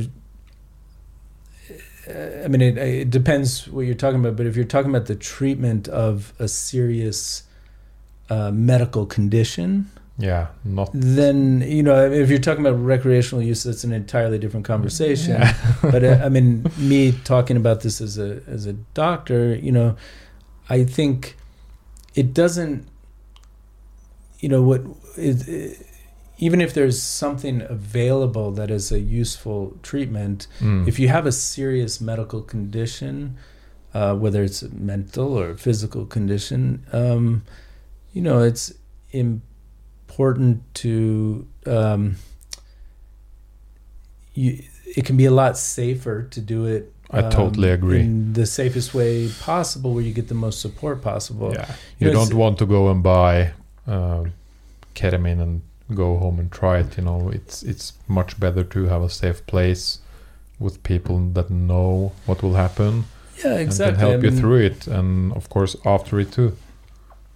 Yeah, yeah, absolutely. Um, and you know, it's um, you could compare it a little bit to say midwifery, like uh, you know, having a baby. Um, I don't know if this is the greatest analogy, but but you know, you can have a baby with uh, you know at home. Um, we've been doing it for millions of years. It Mhm. works just great, and this is uh, um, we have the technology to have a baby. You know, we can uh, bucket of water and a pair of scissors, and um, but and it goes fine most of the time. Um, but uh, if it doesn't go fine, um, you know, there these you know these these drugs are really powerful drugs, and um, you know particularly for um, you know for certain risk groups, uh, they can have risks, and Mm. and uh, So I think there's something to be said for having um, this treatment available in the medical system. Um, if that system works and if that system is, um, uh, you know, providing the good service to Mm. To people and Let me ask uh, that question in another way, like not not in a legalization way. How will it help? You know, after uh, how will we see a different uh, story about mental health within like ten years if this becomes available for doctors? You know, Yeah, will it well, be a a- change? I mean, it's already you know transforming um, our ideas about mental illness. Um, we're learning so much about the brain from how the these drugs work on the brain, Mm. um, and um, you know, really changing the paradigm in mental health treatment from that kind of symptom management to, to really more transformative change to try to get people back to health. Um, so I think it'll, I mean, it'll have tremendous effects on the people that are suffering and also um, on on our society in, in general. I think it's going to have a, a a huge effect, and I I don't know how, and you know that will remain to be seen. But um, but I think this is definitely the most exciting thing happening um, in um, in mental health right Yeah. right now. Absolutely. Must be amazing to be a part of it. Yeah, it's it's uh, absolutely actually amazing. every day see the uh, results. Yeah, I mean that's that's the most important uh, part is is um, you know actually getting to see um, people uh, in sometimes over hours go from you know tremendous suffering to Mhm. to um, um, being healthy. Um, and um, yeah, and also you know seeing the consequences of changing the the system is is really uh, rewarding. Um, you know, knowing that not just the patient that I will treat that day, but that there's other clinics opening up, and then and that this is available in you know other parts of the healthcare system, and you know it's a it's a many patients will say to me like after they're in remission um, how sad they feel about you know their friend that killed themselves five years ago, and like had he had, had he had just known, you know, Yeah. I told the same story on this podcast. uh, uh, Yeah. yeah, You know, like I wish he had the opportunity to Mm. try it. You know, yeah, yeah, one of those three just Mm. to test it because Mm. he was at the place where he had tried everything, mm, mm. but not those kinds of treatments. yeah, Mm. yeah, absolutely, and you know, most people, most people actually don't know about this uh, at all. Um, those of you know, s some people that know about it don't know that it's available. Um, uh, so, so it is important um, that that people know that at least you know ketamine is available right now. It's totally legal. It's not alternative treatment. It's not some shamanic treatment. It's uh, approved medicine that has a 50 year track uh, record and is incredibly effective and and um, you know is now also available in the healthcare system, uh, even though it's not a lot of capacity there because um, there's you know people from all over the country trying to get in. So Mm. I'm I'm I'm getting excited for the future, especially that since we can now uh, help these people who have like living with the worst mental problems mm. and those living with it over a long, long time. And now we start to see, wow, there is actually something. Mm. Some of it from nature, something we have made ourselves, and it's working in new and profound ways. Mm. Mm. Wow. So, if people want to read more about your work, or read more about this, where can what should they Google? Um, well, my my clinic is uh, axonkliniken uh, dot no uh, a x o n kliniken. Um, for you know, I've, I've um, done some lectures and written some stuff in the media that uh, if they just Googled my name, uh, Lowan Stewart, um, and um, uh, we don't. Our research group doesn't have a website right now, but uh, You're not bloggers, huh? one of um, uh, one source of uh, you know new uh, what's what's happening in this in this field uh, would be uh, we we made a um, uh, an organization called the uh, Norsk Forening for Psykedelisk Vitenskap. Um, so uh, nfpv.no and um, people could and you have uh, a newsletter. yeah, there's a Mm. newsletter, and you know, we kind of got shut down a bit by Corona, but um, in terms of having events, but we have uh, we have lectures, um, and uh, we're going to have a, a large uh, conference, uh, Nordic uh, Psychedelic Science Conference next year, um, and. Um, uh, and hopefully, as soon as things are opening up here in the next, hopefully, month or two, uh, we'll start having um, monthly lectures again and Great. uh, focused on um, uh, psychedelic science, um, all aspects, not not just medicine, but Mm. uh, the uh, academic pursuit of uh, more knowledge in this area. Cool. So I just have to say thank you for the amazing talk and the amazing work you're doing. Uh, it's been really cool to learn more about this and you know probably for a, a lot of the listeners to learn that you know it is available in Norway ketamine treatment you know if they if they know about that kind of friend or person who really really tried everything this is actually an option now, which is great to know. So, uh, Lowan, thank you so much. You're welcome. Yeah. Thank you very much for having me. It's uh, been great to talk to you. Awesome. Yeah. And uh, good luck with the new studies. Absolutely. Yeah. Okay. Thank you.